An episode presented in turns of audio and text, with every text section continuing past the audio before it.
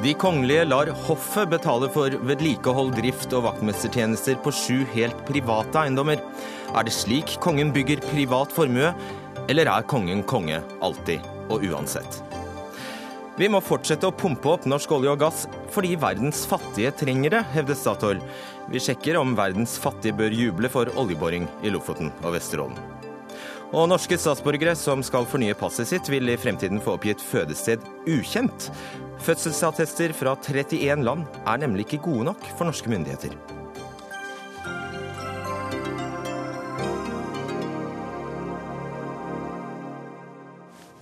God kveld og velkommen til Dagsnytt 18. Jeg heter Fredrik Solvang. Hva bruker kongefamilien penger på, og hvor tar de pengene fra? I en artikkel i eh, Dagbladet i dag kritiseres kongehuset for å bruke Stortingets bevilgninger til å betale lønn til ansatte som utfører vedlikehold og drift på kongefamiliens helt private eiendommer, og det er sju av dem i stykket. Ifølge Dagbladet er dette utgifter som skal dekkes av, uh, over apanasjen, altså den lønnsposten som skal dekke personlige utgifter, og ikke bevilgninger til hoffet. Geir Ramnefjell, politisk redaktør i uh, Dagbladet. Dere beskylder jo i grunnen kongehuset for å bruke skattebetalernes penger på personlige tjenester. Og om så var, var. Hva er galt med det? Eh, det som er eh, galt med det, er at eh, Stortinget har gjennom 15 år bevilget penger til, til de kongelige gjennom to separate poster, som du nå redegjorde for. Der står det helt eksplisitt at apanasjen skal dekke drift og vedlikehold av de kongeliges private eiendommer. Når de nå har brukt eh, de pengene som skal drive hoffet og vedlikehold av de tre statlige eiendommene, så er det i praksis privat berikelse man driver med. Og det er i alle fall i strid med forutsetningene i eh, bevilgningene fra Stortinget. Og Hva er eh, poenget ditt når vi har en konge som er konge så lenge han er konge, og du ikke skiller mellom privatpersonen kongen og en annen offentlig konge? Eh, poenget med det er jo at Eh, i lovverket og i, eh, og i, tildelingene fra Stortinget, så er det jo klart skillet mellom det som skal være de statlige eiendommene og det som skal være den private delen av kongehuset. Og Det er jo av en grunn. og Derfor ble man ønsker en orden i hva som skal være penger som går til drift av de statlige eiendommene, og hva som skal være penger til, som går til drift til de private eiendommene. Og så skal vi bare legge til, altså De tre statlige eiendommene du da snakker om, det er altså Det kongelige slott, så er det Bygdøy kongsgård og Oscarshalle slott. Uh, ja, Michael Tetzschner, du er nestleder i kontroll- og konstitusjonskomiteen for Høyre. Er dette en viktig sak? Nei, det er jo knapt en sak. Uh, og grunnen til det er at uh, jeg syns man skal se disse postene under ett, fordi det er jo det vi forventer skal eh, bli benyttet, og som man er villig til å benytte med den eh, statsform vi har. Og Hvis du mener man skal se disse postene under ett, så, så er det jo rart at man har stykket dem opp i to poster på statsbudsjettet. ja, og, det, og, sånn er jo budsjettordningen på mange områder. At det er hovedposter og underposter. Eh, men at de bygger opp under det samme formålet.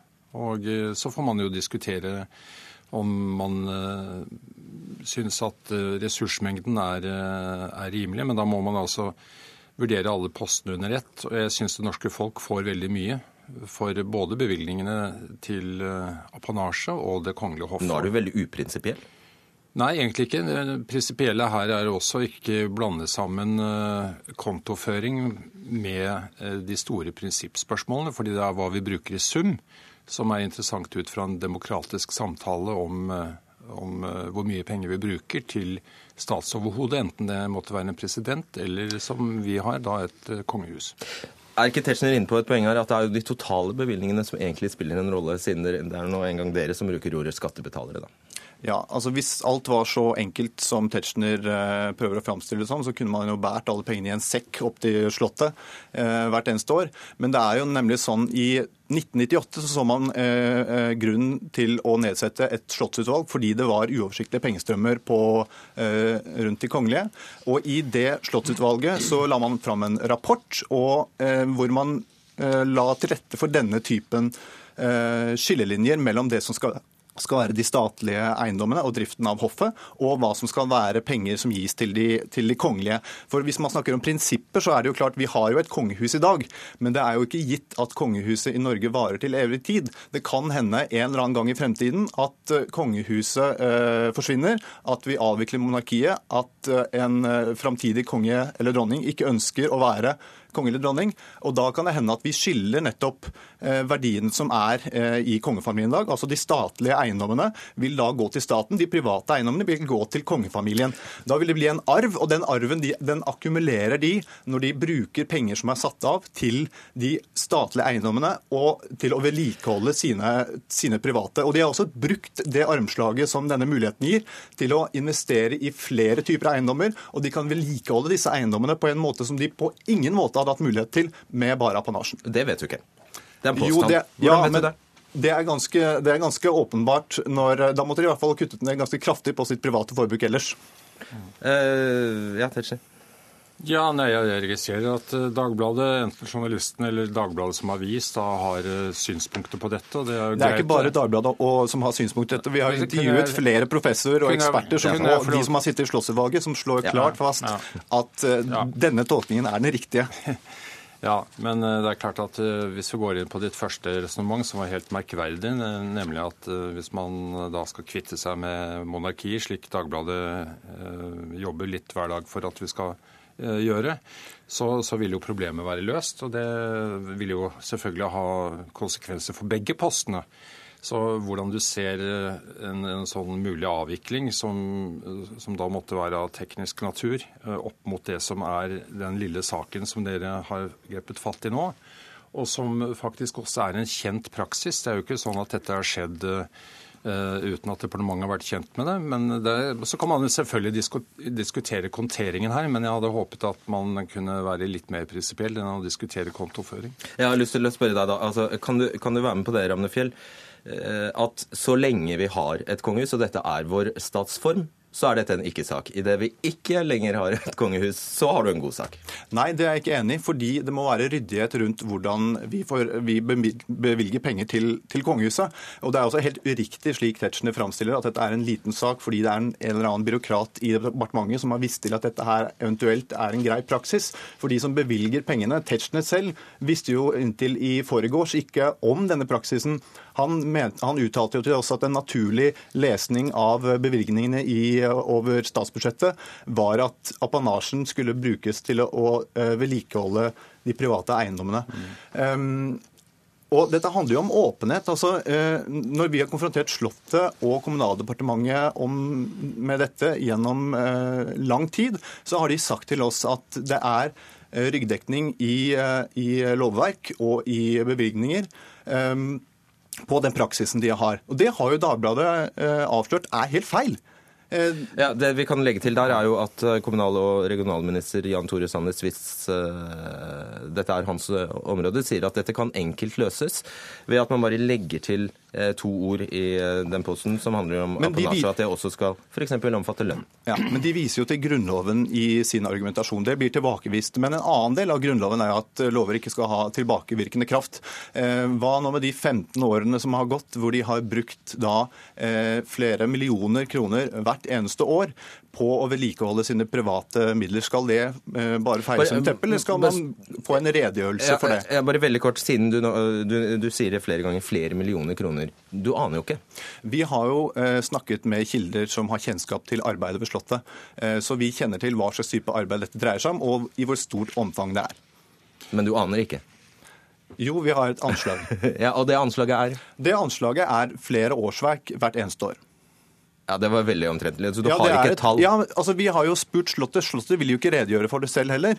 Altså Hvis Slottet hadde fulgt en normal innsynspraksis som alle andre institusjoner må forholde seg til i Norge, så kunne de redegjort for uh, hvor mye penger de har brukt på vedlikeholdet på de private eiendommene. Men det ønsker jo ikke Slottet det å gjøre. ønsker jo ikke Slottet. Og Tetzschner, det må da være poeng at en, da, en vakker dag kan det komme, di- komme dit hen at vi, er, eller vi kan være der at, at uh, et flertall finner ut at kongehuset skal, eh, skal avvikles.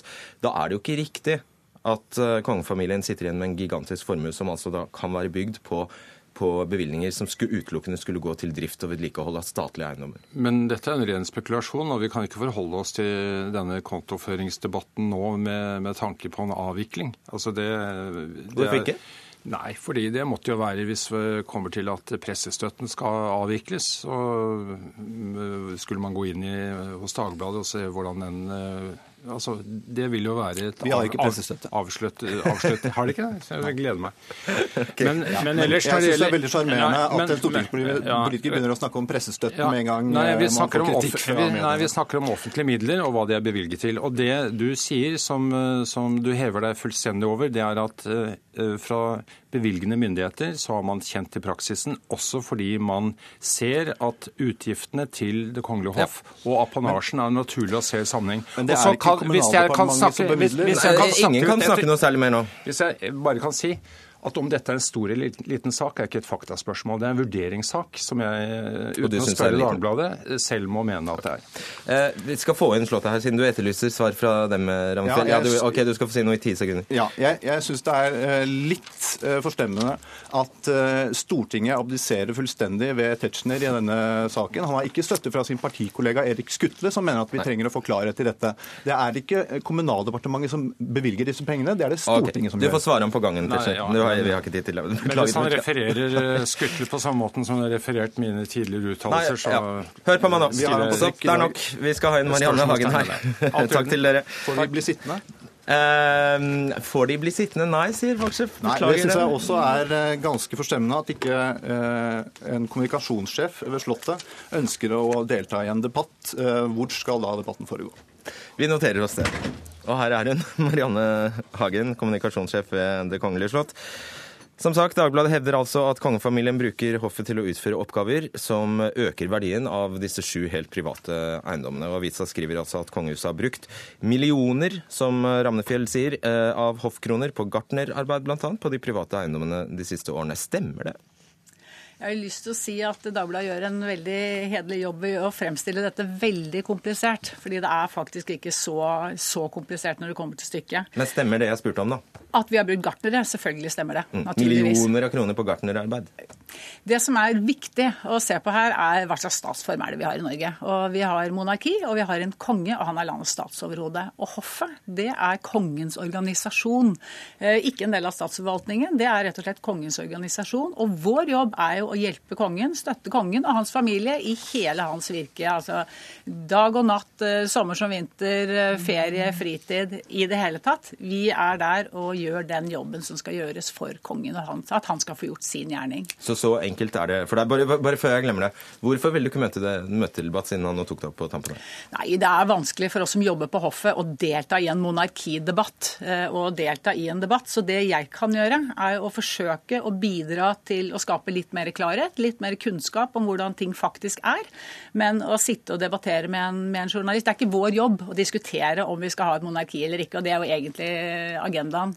Um, Slik du tolker det. Ja, slik jeg tolker Ja, slik det. Og, og det. veldig tydelig Ja. på lederplass. Så det er helt greit. Men vi kan ikke delta i den diskusjonen den må andre tar. Vi kan bare fortelle hvordan er det. Og sånn ble det i hvert fall, i, hvert fall i dag. Ja. Du, hvorfor kan ikke jeg eller hvem som helst andre gå inn i årsberetningen til Slottet og se nøyaktig hva dere ansatte ved Det, norske, eh, ved det kongelige hoff har gjort for kongefamilien, og hvor mye dette arbeidet har vært verdt? Og det kan du. I årsberetningen så kan du gå inn og se nøyaktig hva vi har i lønnskostnader på Slottet. Mm. Men jeg får ikke se hva dere har gjort på de private eiendommene. Du får ikke se hva vi har gjort på de private eiendommene, men Hvorfor du kan spørre oss. Nei, du kan spørre. Det er rett og slett La oss ta det store bildet først. Det store bildet er at vi får én bevilgning av staten. Den er delt i to deler. Mm. Det er det vi kaller sivillisten, og det er vel et ord som bare vi bruker, og det betyr bevilgningen til hoffet. Så har du den andre delen, som er apanasjen, som er bevilgningen til kongepar og Og kronprinspar. la oss bare poengtere det. Den første du nevner, er mye større enn den andre. Den er mye større enn den andre. Og ja, Det er ca. 211 til hoffet, og så er det ca. 20 til Millioner. kongeparet. Millioner til, eh, til kongepar og kronprinspar. Og det bevilgningen til hoffet, det er jo lønna til alle oss som jobber der. Og vi som jobber der, vi gjør jo, altså vi gjør jo alt. Om en sjåfør kjører kongen til en privat middag, til et statsbesøk, om en kokk lager gallamiddag til den polske presidenten som var her nettopp, eller om han lager frokost til kongen privat, det spiller ingen rolle. Vi har ikke noe bruk for den informasjonen som gjør at vi skulle sitte og lage timelister for hvor har du beina når du jobber, hva driver hendene dine med, eller hvor har du huet ditt når du jobber.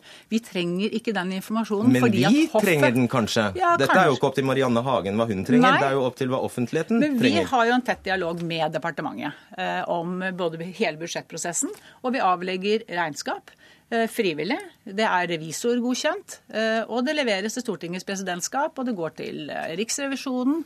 Nå, nå brukte jo du Ja. veldig harmløse eh, eksempler, som f.eks. at kongene det, det sier seg selv at, at det er vanskelig å skille på en, privat, en, en tur til en privatfest eller en offisiell fest Ja, for kongen i bil. det. Det. Men, men, men det Dagbladet tar opp, er jo f.eks. vedlikeholdsarbeid, gartnerarbeid. Altså ting som da kan bidra til å øke verdien av disse sju private eiendommene. Hvor mye Kan du, kan du si det nå, da, siden du, siden, du, siden du sier at jeg kan spørre? Mm. Nøyaktig hvor mye av de 120 millionene i lønnsutgifter. Gikk til arbeid på disse sju eiendommene? Det kan jeg ikke svare på, fordi vi fører ikke den type regnskap. Men det som er viktig å si, er at Når noen spør, Ja. så bør jo det gi en tilskyndelse til å lage det regnskapet. Ja, kanskje. kanskje. Men la meg ta det store bildet på det først, da, som er apanasjen. Som er altså bevilgningen til henholdsvis kongepar og kronprinspar. Den skal gå til de private eiendommene. Og det gjør den. Den går så alle de store tingene som gjøres, store investeringer, ting som øker verdien på de private stort, hva er smått i din verden, Ja, Stort vil være å bytte vinduer, eh, f.eks. Det er en stor ting. Eh, Rake plen er ikke en stor ting i min verden. Så de store tingene, det da gjør de kongelige som alle andre. De hyrer inn et malerfirma eller et elektrisk firma eller noen til å drive med drenering, og så betaler de det av apanasjen. Sånn at det er de store tingene. Det som vi gjør, alle vi som er ansatt på hoffet, eh, og da, hvis jeg da snakker om de som da gjør ting ute fysisk, eh, håndverkslignende ting, så snakker vi om altså, enkle vaktmesterting. Vi snakker om daglig ledelse. Vi snakker om føre regnskap. Vi snakker om f.eks. å ha prosjektledelse. Eh, Den type ting er hensiktsmessig, og den måten vi kan utnytte ressursene våre best på. Si, eh, eh, mener, mener altså dere, men, men hvis dette var så såre enkelt Du begynte jo, åpnet jo faktisk med å si at dette er kjempeenkelt. Jeg sier at det er ikke så komplisert som det høres okay, ut til. ja. Ja. Eh, ikke så komplisert. Det som heller ikke er komplisert, Mm. er å føre to regnskaper. To bøker. Vi fører to bøker. Vi fører, Men altså, vi hvorfor ikke bare begynne å føre OK, det var en privat, det var en tur til en privat fest. Det var en tur til en offentlig fest. Det var, et, det var plenklipping eh, på, på, eh, på Kongsseteren. Det var plenklipping ved Slottet.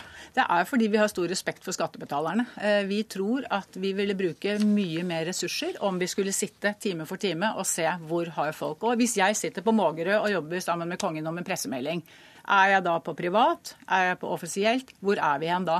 Det blir utrolig kompliserte dragninger rundt dette. Ja. Hadde kongen og dronningen og kronprinsparet hatt råd til disse private eiendommene hvis de hadde brukt utelukkende av apanasjen sin? De har brukt ikke utelukkende apanasjen, de har brukt sine private penger, som er arv fra kong Olav. Det er jo det som har finansiert eh, kjøp av de eiendommene vi snakker om her. Vil du si at de kongelige har en privat økonomi? Ja, det vil jeg si. Mm. Og da handler jo dette spørsmålet som Dagbladet reiser til syvende og sist om legitimitet. At vi skal vite at de pengene Stortinget bevilger til den offentlige institusjonen Kongehuset, faktisk går til det vi, tro, vi for, tror, tror de skal. Er det ikke Ja. da kjempeviktig å holde disse økonomiene fra hverandre? Den private og den offentlige. Og det gjør vi. Og Derfor så har vi altså 10, 10 eller 11 ulike regnskaper som er revisorgodkjente, som uh, legges frem. Så det gjør vi. Vi er ryddig. Vi bruker pengene i samsvar med forutsetningene i budsjettet. Og vi får de revidert, og vi rapporterer på dem. Så det er svært ryddig. Ok. Takk skal du ha, Marianne Hagen. Takk. Dagsnytt 18 alle hverdager klokka 18.00 på NRK P2 og NRK2.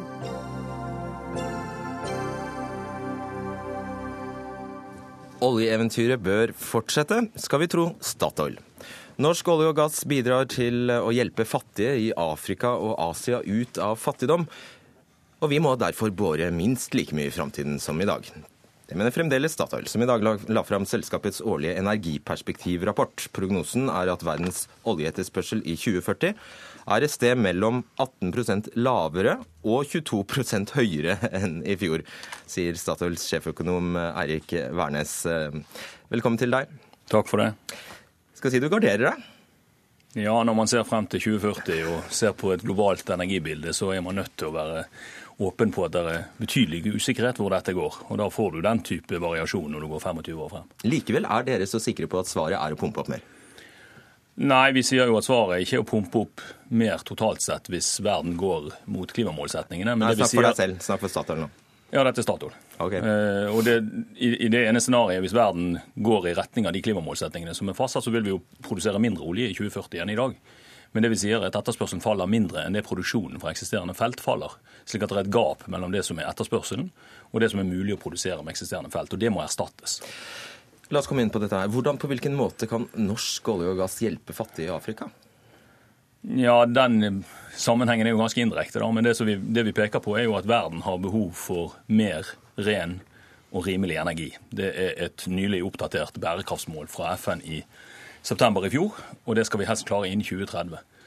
Eh, det er slik at 1,3 milliarder mennesker ikke har tilgang på elektrisitet. Det er 2,4 milliarder allerede som ikke har tilgang på ren eh, oppvarming og energi. Og For å sikre en velstandsutvikling som vi tror er mulig, så vil mesteparten av energietterspørselen komme i det som er fremvoksende økonomier. Det gjelder både de fattigste, men det gjelder også middelklasseinnbyggerne i Asia, som kommer til å etterspørre mer energi. Hvis de ikke får den tilgangen på energi, eller energien blir dyrere enn nødvendig, så vil de få noe lavere økonomisk vekst.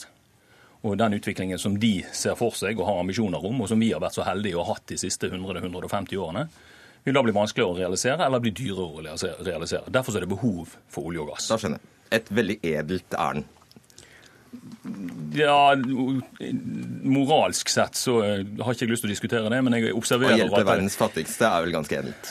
Ja, vi, får jo betalt for den energien, og det er et globalt marked. Men, men eh, jo, til, jo, enklere og billigere og mer karboneffektiv energi som er tilgjengelig, jo billigere blir det i hvert fall for verden å levere den økonomiske veksten til de som skal delta i, i den velstandsutviklingen som vi andre har hatt.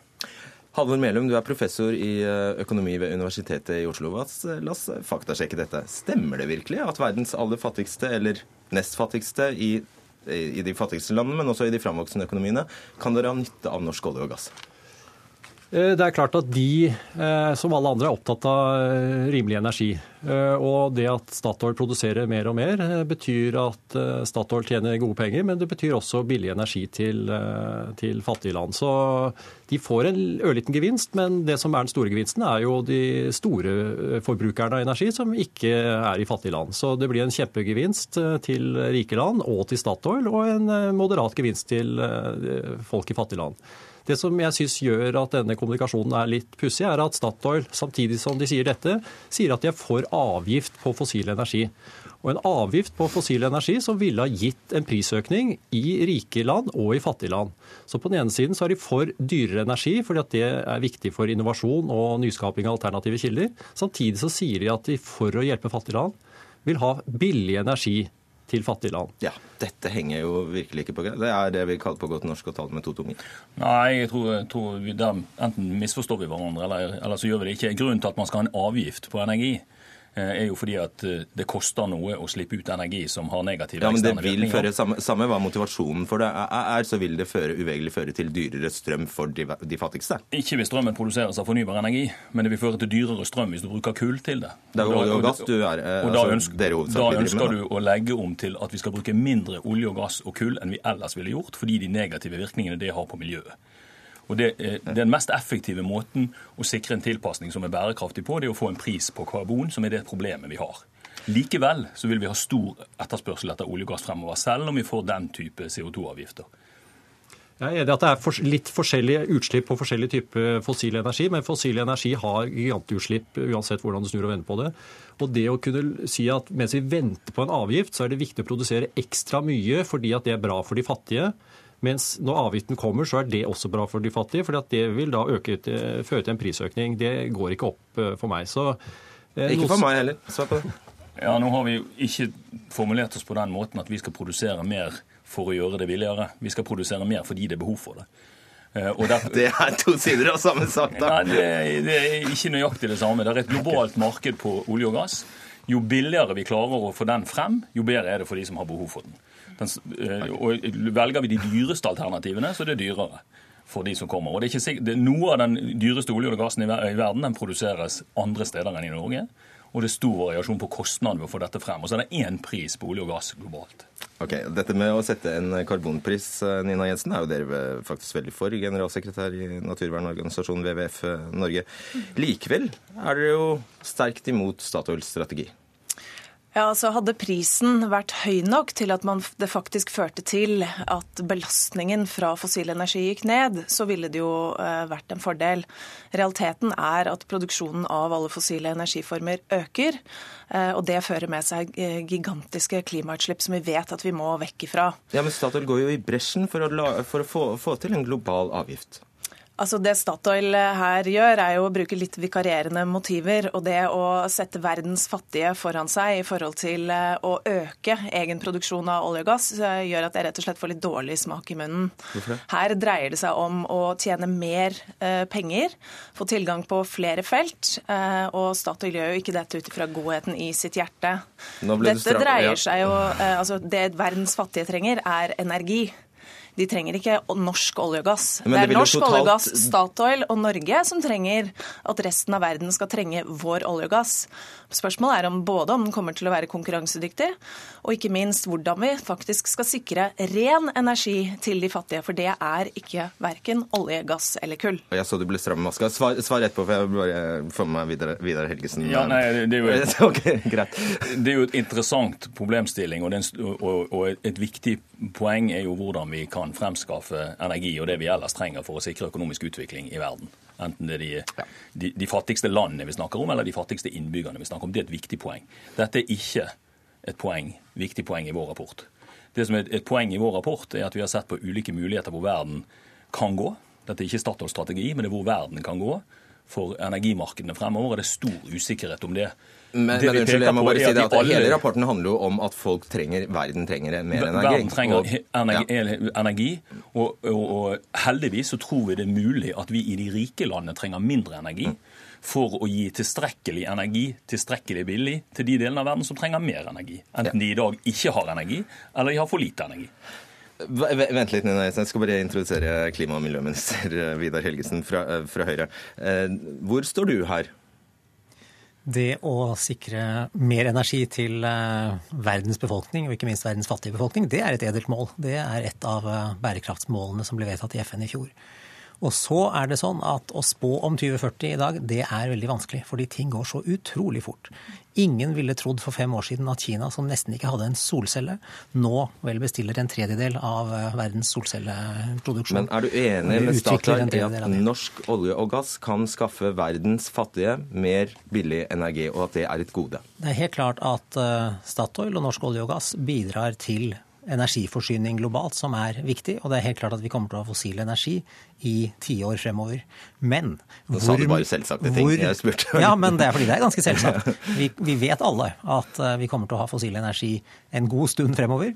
Og vi vet også at utviklingen av fornybar energi er rekordartet. I fjor var 90% av ny energiproduksjon i verden fornybar.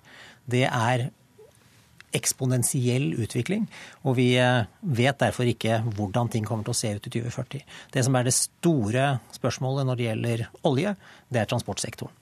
Det er den som er den store avtakeren av olje. Norge ligger jo helt i front når det gjelder å dekarbonisere transportsektoren. Eh, vi er antagelig ikke mange år unna at halvparten av nysolgte biler i Norge er lav- eller nullutslippsbiler. Og eh, flere land bør gjøre som oss og sørge for at de får eh, reformert transportsektoren. Det er ikke gode nyheter for olje per se, men det vil være veldig gode nyheter for klima. Okay. Nina Jensen, eh, for å dekke verdens etterspørsel, eh, selv med fornybar energi, trengs ifølge Statoil 100 Johan Sverdrup-felt, som altså er et av de største funnene i verden. Så da er det ingen grunn til å avlyse oljefestene. Du kan egentlig la dem være litt i fred, Statoil?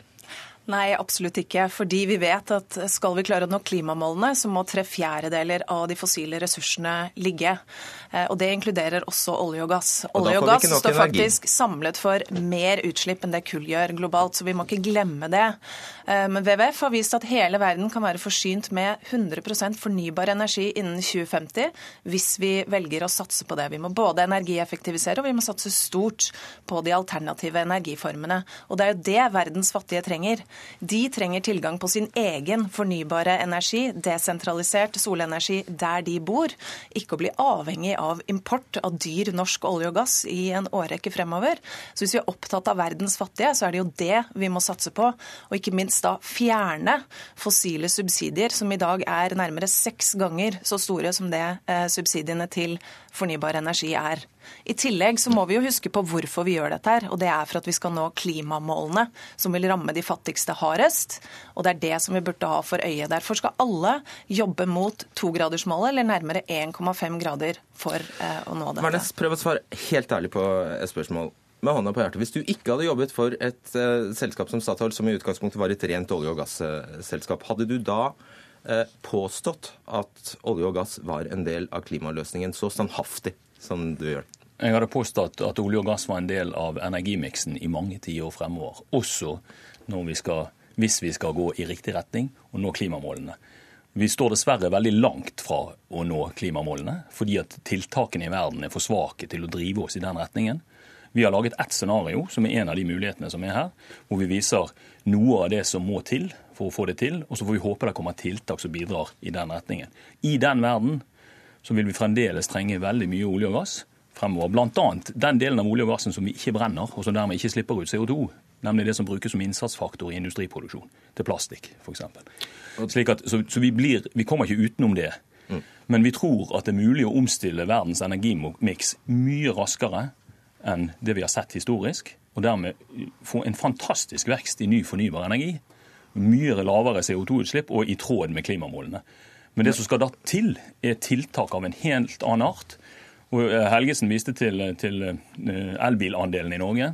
I det scenarioet som vi har laget frem, så har vi 90% av nybilsalget i verden okay. må være elektrisk eller plug-in-hybrider for å gå den veien. Mm. Men så er det samtidig en kjensgjerning at dere gjerne eh, åpner Lofoten og Vesterålen. Og hvis du, Er du enig eller uenig i det, statsråd? Det er jeg enig i, og det er det et bredt flertall i Stortinget som er. Det ble jo satt i gang av den forrige regjeringen.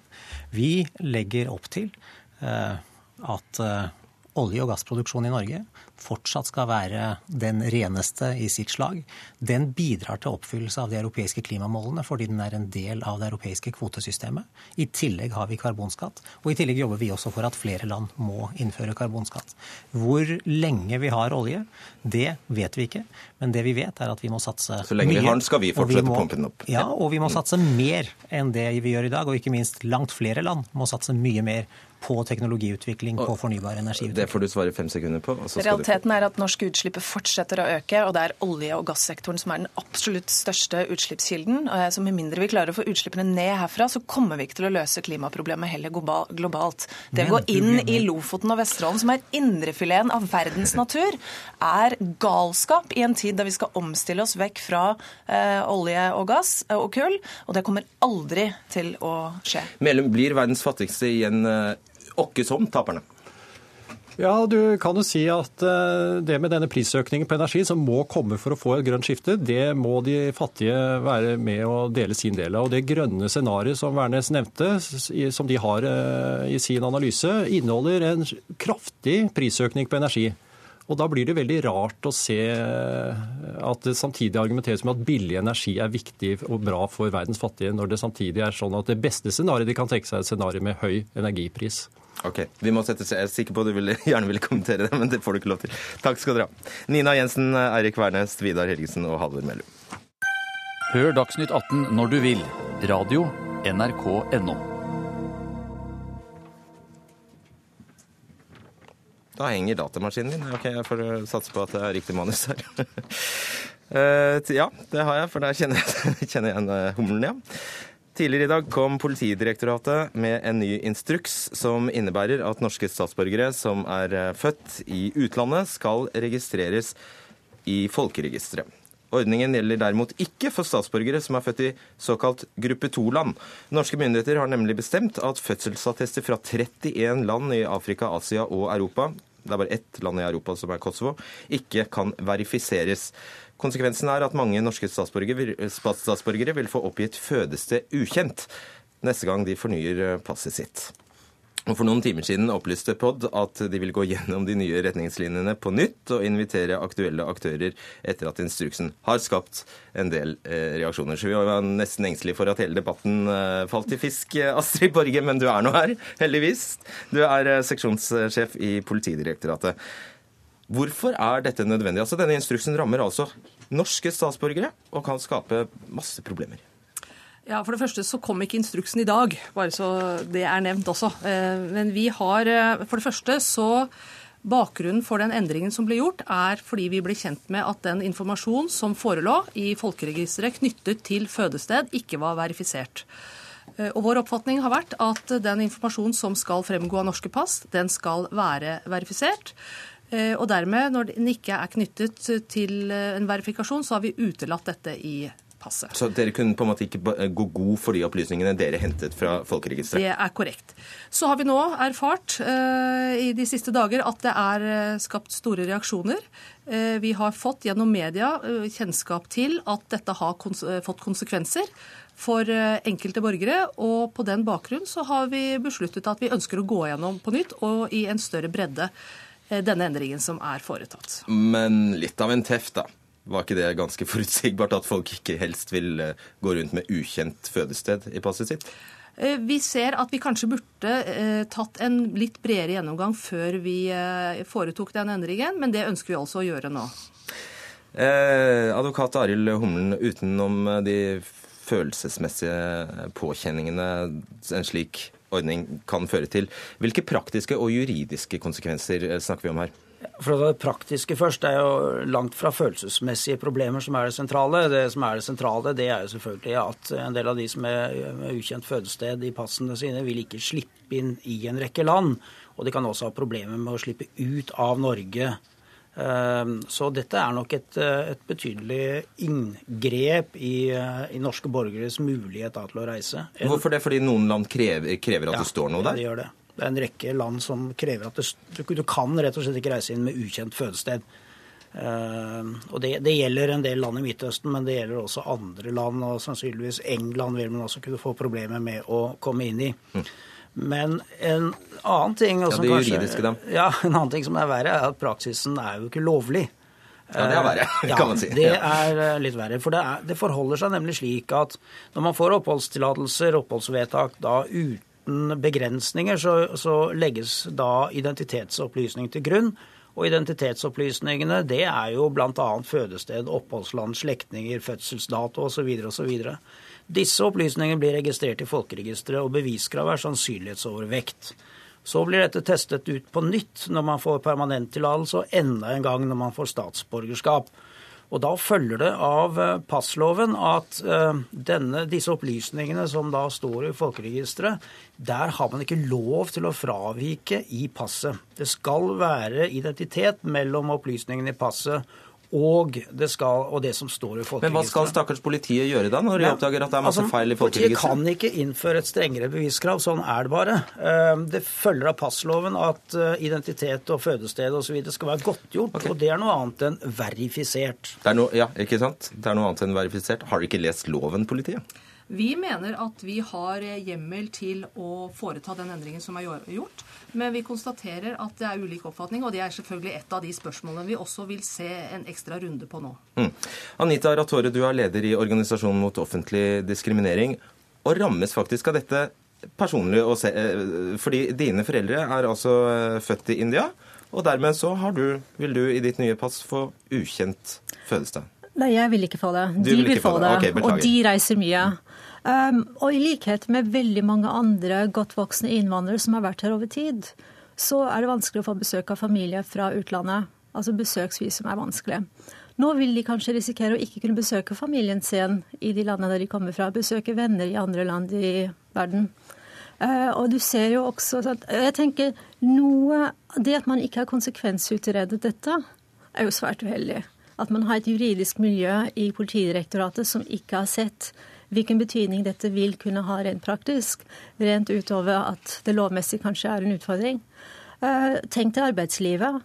Personer som er født i noen av de landene der, som har statsborgerskap, skal de kunne reise på reisemesser, være med i utenlandske delegasjoner, politikere med samme bakgrunn, eh, barn ikke sant? på mm. skoleturer, leirer, håndballturneringer osv. Da har jeg et praktisk spørsmål eh, til deg, Borge.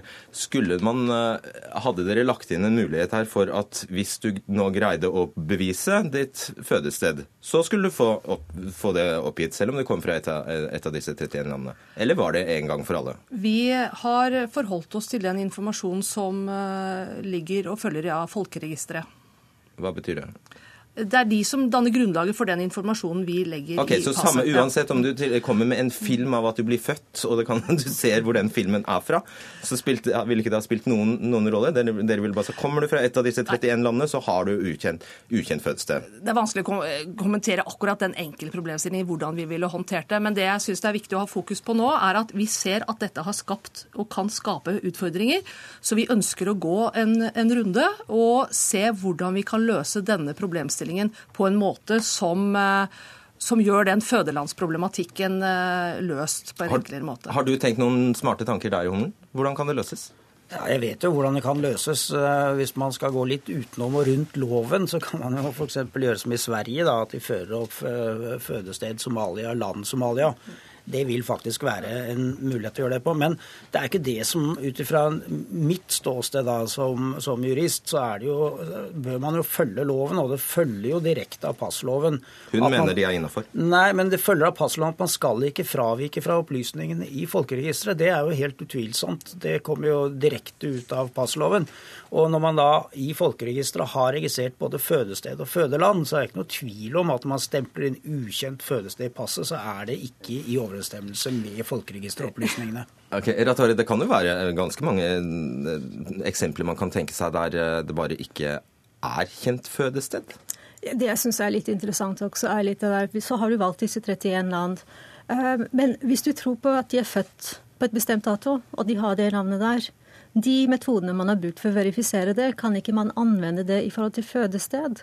Og så er liksom landene ganske interessante, for jeg bare tenker OK, Saudi-Arabia er på lista. Så vi sier til saudiarabiske myndigheter vi har ikke troverdighet til dere, men vi har det til Syria og Libya. Og myndighetene der og byråkratiet der. Det er også på en måte Hvordan er de landene valgt? Ja, hvordan er de landene valgt? Eh, dette er eh, Skattedirektoratet som har eh, satt opp denne listen, så det er den vi forholder oss til. Og det er altså en liste med land der det er umulig å få verifisert hvor folk er født og når de er født osv.? Jeg tenker at Skattedirektoratet selv må, må, redegjøre for hvorfor de nasjonene er, er, på denne listen. Det er vanskelig for oss å kommentere. Hadde dere, dere, du har jo nå innrømmet mange ganger, at, flere ganger at, at dette har fått, dere ikke overskuet alle konsekvensene. En av dem er altså at adopterte, eh, adopterte fra noen av disse landene, eh, det kan f.eks. være indisk adopterte, eh, for ukjent, eh, ukjent fødested. Og, og lederen i Adopsjonsforum, som vi snakket med tidligere i dag, han satt med en fødselsattest fra Filippinene foran seg. Og dokumentet bar på ingen måte preg av å komme fra en stat som ikke har orden på ting, har vi sitert ham på. Så dette er jo helt sjablongmessig, det dere, dere har gjort. Ja, som sagt, Dette er basert rett og slett på, på denne listen over de 31 eh, nasjonene som, eh, som eh, skatteetaten da har, har, listet opp. Men jeg syns det er viktig å si at vi ønsker nå å prøve å få tatt grep på dette her. Vi ønsker også å invitere ulike organisasjoner, bl.a. OMOD er aktuell, og Adopsjonsforum, for å også få litt av de erfaringene man har hatt, som et bidrag i å se på vi kan, hvordan vi kan angripe dette. Ok, Du får avslutte, Humle. Ja, jeg bare gjør oppmerksom på at det er faktisk noen i folkeregisteret som er registrert med fødselssted ukjent. Og for dem vil det være riktig å ha det i passet. Men det er ikke denne gruppen som rammes av dette. Det er de med registrert fødested som rammes da av denne innskrenkningen. Nå ble jeg nysgjerrig på hvem de er, men jeg tror ikke vi har tid til å Nei, det er der hvor man er usikker på om alt, alle opplysningene er eh, korrekte i oppholdsvedtaket. Der blir man registrert. Sånn, ja. Og så savner vi UD på banen. Fordi Politidirektoratet sier hvis du har problemer, så skal du ta kontakt med altså utenrikstjenesten. Men de har ikke vært på banen. De har ingen info på sine nettsider. Men nå løser det seg kanskje? vi skal i hvert fall gjøre et ja. forsøk. Ja, fint det. Arild Humlen, Anita Ratore og Astrid Borge, takk for at dere kom. Hør Dagsnytt 18 når du vil. Radio NRK Radio.nrk.no.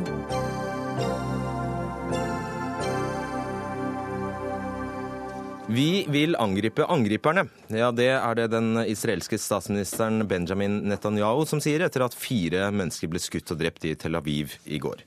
De palestinske gjerningsmennene åpnet ild i sentrum av byen, og politiet kaller angrepet terrorisme. Midtøsten-korrespondent i NRK Sigurd Falkenberg Mikkelsen, hva mer vet vi om hvem som sto bak denne skytingen? Dette er eh, to eh, slektninger eh, fra utkanten av Hebron, fra en landsby som heter Yatta. Eh, som sto bak dette. Ifølge israelsk media så har også noen av slektningene i denne, denne, denne, familien hatt bånd til Hamas, men så vidt vi vet så var ikke de selv medlemmer av Hamas, de som sto bak dette angrepet. Likevel hyller altså Hamas eh, terroraksjonen, og hvilke reaksjoner har det gjenskapt? Ja, det har jo skapt uh, mye kritikk, bl.a. Uh, i Israel. Det skal det sies at Hamas gjør dette um, jevnlig. uh, hver gang det er et angrep i Israel. Og de har ikke tatt på seg skylden for angrepet. Men, mens staten, palestinernes president Mahmoud Abbas har fordømt angrepet på sivile, som han mener ikke er til å godta.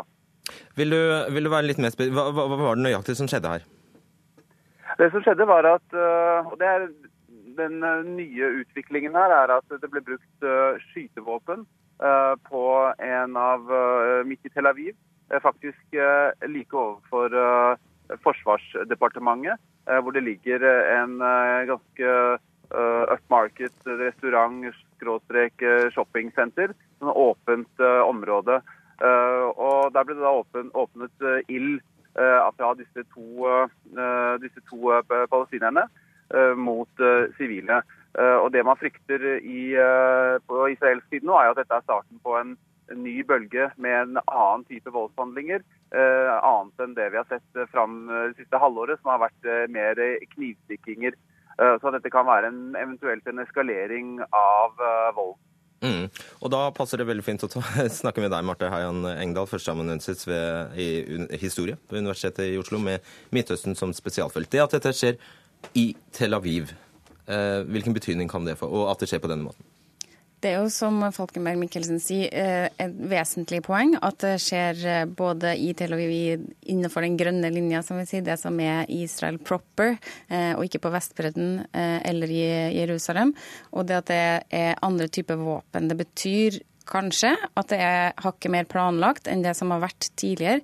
Denne her volden som har vært eh, prega av det området nå siden eh, sommeren i fjor, egentlig, eh, har jo vært de her knivstikkingene og påkjørsel av bil osv. som har hatt en veldig sånn impulsivitet over seg, og som ikke har vært noe leda fra noe sted. Er det riktig å si at uh, menneskene i Tel Aviv lever nokså bekymringsløse liv, forskånet fra denne direkte trusselen? I store perioder, en lang periode nå, så har de jo gjort det. Det har selvfølgelig vært eh, helt, veldig annerledes eh, der før, under andre intifadaen osv. Eh, men de er veldig forskåna for den situasjonen som er på Vestbredden, og ikke minst i Gaza, som tross alt ikke er langt unna. Men man kan fint ligge på stranda i Tel Aviv og føle at man er på et hvilket som helst annet strandsted. Og da sier Netanyahu at vi vil angripe angriperne, Sigurd Falkenberg Mikkelsen. Hva kan det bety? Ja, det første de har gjort, er i hvert fall å inndra arbeidstillatelsene til, de, til 204 slektsmedlemmer eh, av, av, disse, av, disse, angriperne. De har også blir rapportert vært inne i landsbyen de kommer fra. og Eh, målt opp og tatt mål av huset for eventuelt da en eh, ødeleggelse. Det er også en policy israelerne har begynt med, nemlig å, å, straffe familiene til eh, de som står bak angrepene ved å ødelegge husene de bor i. Så det kan være første skritt. Spørsmålet er om det vil få noen politiske konsekvenser, hva de skal gjøre med f.eks. Hamas. Vi skal også huske på at vi har fått en ny forsvarsminister i Israel, i Avigdor Liebermann, som jo har kommet med ganske røffe uttalelser om bl.a. Hamas og statsministeren der, Ismail Haniyeh, som han mente eh, burde henrettes innen 48 timer hvis ikke han overleverte levningene fra israelske soldater som falt i Gaza-krigen. Eh, sånn det er en ny politisk situasjon på, på israelsk eh, side også, som gjør at denne situasjonen er ekstra spesiell. Og så har Israel Martha Hein Engdahl, stengt grensene for 85 000 palestinere. Skjer altså midt i ramadan. Hvilken betydning kan det få? Ja, Første fredag i ramadan er veldig viktig for veldig mange av den hovedsakelig sunnimuslimske palestinske befolkninga å komme seg til Jerusalem for å be. Um, og, det er og ikke uvant med at det plutselig inndras reisetillatelser. Sånn uh, men det er jo med, selvfølgelig, å gjøre stemninga ekstra anspent. Og det her med uh, å ødelegge husene til familiene. Og uh, Liebermann har også sagt at han ikke vil at man skal gi tilbake kroppene til terroristene, til familiene, sånn at det ikke kan holdes begravelser og sånn. Dette er jo ting som eh, forsvarseliten er også skeptisk til, fordi det nettopp kan tjene til å piske opp stemninga mer enn å roe den ned. Da. Ikke sant. Bare til, til slutt, altså, som, eh, som eh, Sigurd Falkenberg Mikkelsen er innom her, eh, innom her altså, Det skjedde i et område med barer og restauranter. Og, men så tar det altså ikke lang tid før ting er tilbake til normalen og restaurantene har åpnet igjen. For oss kan det virke rart. Hvorfor er det sånn? Det er nok mange forklaringer på det, men det er i alle fall en helt oppsiktsvekkende evne det israelske samfunnet, og ikke minst tel avivere, har til å plukke opp eh, livene sine igjen og gå videre. Bare tolv timer etter eh, at det her hadde skjedd, så så jeg bilder fra restauranten, og da var de åpne for business igjen. Og det er jo helt eh, ekstraordinær evne og vilje til å ikke la det her ødelegge livet sitt. Takk skal dere ha, Sigurd Falkenberg Mikkelsen og Marte Heian Engdahl.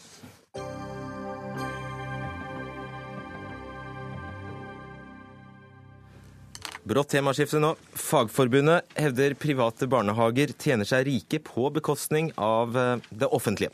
Bakgrunnen er at to av landets største barnehagekjeder, Lærlingsverkstedet og Norlandia, har ambisjoner om å vokse og det er gjennom oppkjøp av private barnehager. Og private aktører får, får, også kritikk for å inngå tariff- og pensjonsavtaler med de ansatte som er dårligere enn for offentlige barnehager. Start med deg, Kristin Voldsnes, direktør i Norlandia-barnehagene, som altså er en av de store aktørene med 60 barnehager, og 11, ja, med, med 60 eh, barnehager.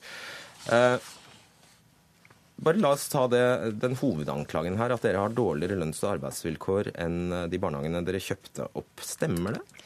Det stemmer ikke. Det er ikke faktabasert. Vi har gode lønns- og arbeidsvilkår og pensjonsvilkår for våre ansatte. Men dårligere, spurte jeg. Ikke dårligere.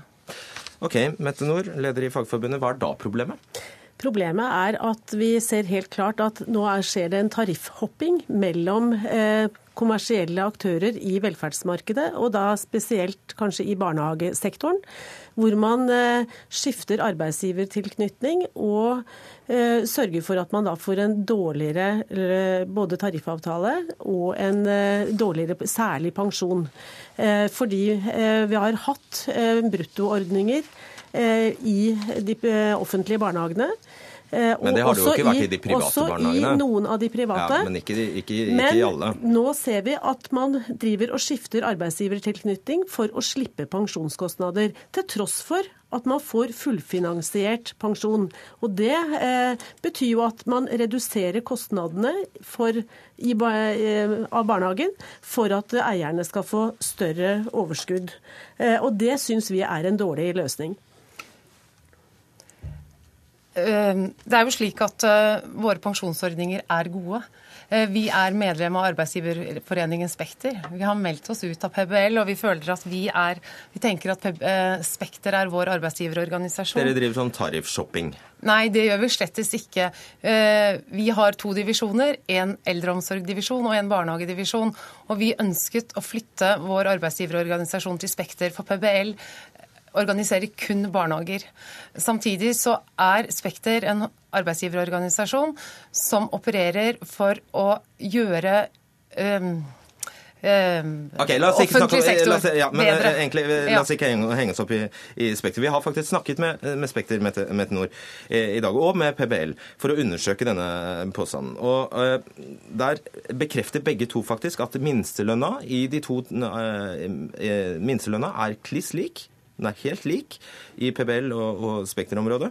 Og eh, pensjonene er tilnærmet lik, om ikke bedre, i, i Spekter. Ja, det, er en, det er en kjensgjerning at pensjonsordningene eh, basert på de brutti, som PBL har hatt tidligere, det, de var livsvarige, de var kjønnsnøytrale, og de hadde samme elementene i seg. Men de står jo for fall, Mette Nord. Du kan jo ikke sammenligne med noe som nesten er borte. Vi er ikke ferdig med pensjonsordningene, og vi har også introdusert og tilbudt Eh, en ny ordning, hybrid, som også er livsvarig, og som deler kostnadene mellom eh, arbeidstaker og arbeidsgiver. Og Det er jo en eh, kjensgjerning at barnehagene de er finansiert av foreldrebetaling og overføringer fra det offentlige. Eh, sånn at man skal få dekket alle kostnader. Og Vi ser at det er en økende tendens til at man tar ut profitt i større og større grad. og det, det, Den eneste måten man kan gjøre det på, det er å få ned kostnadene. Og Kostnadene i barnehager er hovedsakelig personalkostnader. Og Det går enten på at man da har eh, flere barn i gruppene, sånn at man har færre, mindre voksentetthet og at man eh, går på akkord med pensjonskostnadene. De får overført mm. flatt 13% til å dekke pensjonskostnadene, og tilbyr oss eh, ordninger opp mot 4% men hovedsakelig 2 okay, Da er det en ganske stor differanse som går rett i lomma. Dette er jo ikke basert på fakta, og det er jo slik at det pågår forhandlinger som det er brudd i med PBL, og jeg tror ikke verken du eller jeg, Mette Nord, skal ta den forhandlingsdiskusjonen her i dette rommet. Det krever syv års erfaring eller utdannelse for å kunne pensjon. Nei, men Du kan ta påstanden om at du stikker profitt i lomme, eh, ja, og vi altså stikker altså, ikke profitt i lommene. fra det offentlige stikker, som skulle kommet barna til gode. Ja, Vi stikker ikke profitt i lommene til det offentlige. Først i 1.1.2016 så kom det en ny finansieringsordning på plass. Det gjør at det er vanskeligere for de private aktørene å drifte barnehager godt økonomisk. Det er derfor det er flere og flere private aktører som ønsker å trekke til seg de gode kjedene. Nettopp for å få ordnede lønn- og arbeidsvilkår. Okay, Mange av de barnehagene vi har overtatt, har ikke hatt tariffavtaler, og de har heller ikke hatt pensjonsavtaler. Og det får de med dere? Det får de med oss. Men hvor, kan, bare svar på det. Hvor mye utbytte hadde dere, kunne dere gi i fjor? Ja, du snakker om utbytte, så er vi et norskeid selskap. Fire nordnorske menn, fedre, som startet barnehager i 1991. Det som tas ut i utbytte, er i snitt 1% Det går til å dekke renter og avgifter. Nei, renter og, renter og lån, akkurat som det kommunene har gjeld. 1 Nei, det er ikke sånn. Fordi eh, disse konsernene de har delt seg opp i én eh, eiendomsavdeling. De har et bemanningsbyrå, de har eh, faktureringsavdeling, de har administrasjonsavdelinger. Og de kjøper og selger tjenester til seg selv i denne konsernstrukturen. Og for hver, hvert salg så tas det en del som konsernbidrag. Sånn at den kapitalen som bygges opp, den er ganske formidabel. Det har vært flere hundre millioner som er gått til profitt profitt for eierne. Og alt du beskrev der er lovlig, bare for å ha det, klart? Det er lovlig, men mm. spørsmålet er er det sånn vi skal forvalte skattebetalernes penger. Og det offentlige midler skal vi ha en, eh, eh, bygge opp en industri som er helt og holden finansiert av det offentlige. Det mener vi er helt meningsløst. Dette er penger som burde vært tilfalt det offentlige mm. for at vi videreutvikler barnehagene og det offentlige tilbudet med god kvalitet. Driver dere og handler sånn internt? Nei, det gjør vi slettes ikke. Vi er et driftsselskap. Og vi har et eiendomsselskap, og det er akkurat den samme modellen som de bygger på i kommunal sektor. Det samme som Oslo kommune gjør med å ha et kommunalt foretak. Vi tar ikke ut profitt. Det er hvor har du det fra? Da må, ja, må, Mette Nord, du må svare på det. Hvor har du det fra? Våre regnskaper ligger i Brønnøysundregisteret. De blir kontrollert av kommunen. Dette er en gjennomregulert sektor. Det er åpent, vi er transparente i forhold til det vi gjør. Hver krone går tilbake til driften. Det som tas ut av profitt, som du kaller profitt, det går til å dekke renter og avdrag. Hvis det hadde vært så, nei, nei, nei, nei vent, altså, Hvis det ikke var penger å tjene på, så dumme er vi ikke. Hvis det ikke var penger å tjene på dette, så hadde dere holdt på med noe annet. Har du solgt pølser eller noe? Eller noe. Ja, det, kan du, det kan du innrømme. Ja, ja det, ja, det kan jeg innrømme. Men hvis våre eiere hadde vært profittjegere, så hadde de ikke vært i denne bransjen. Nei, for det kanskje finnes noen andre bransjer. Men, fordi det, er altså en, kjens, en kjensgjerning at nettopp disse eierne du beskrev, de har altså bygget opp en, en, kapital på flere hundre millioner på nettopp drifting og kjøp og salg av barnehager. Og det er jo ikke eh, altså, og, og det, det, er jo en drivkraft i seg selv. Nei, men, men, du kommer tilbake hele tiden til et politisk fastlåst poeng. Dette er ikke fakta. Du er ikke opptatt av å drifte, eh, diskutere fag. Hva er det som gjør at nei, vi får og det var ikke den faglig gode diskusjonen vi barnehager? inviterte til Jo, nei, men Det var- nei, men det var faktisk jo, ikke det, er- Vi er også- veldig opptatt av kvalitet i barnehagene, men, men, pengene om skal brukes til det. Ja, men Du snakker om at alt skal være på kommunale hender. Er det det du faktisk mener? Takk Og du snakker ned dine egne dere medlemmer. Nei, jeg sier ikke det, fordi våre er, medlemmer de jobber, og de har en kjempekompetanse. Tiden er ute. Takk skal dere ha. Ida Tune Øresland, Frode Thorshaug og Fredrik Solvang takker for seg.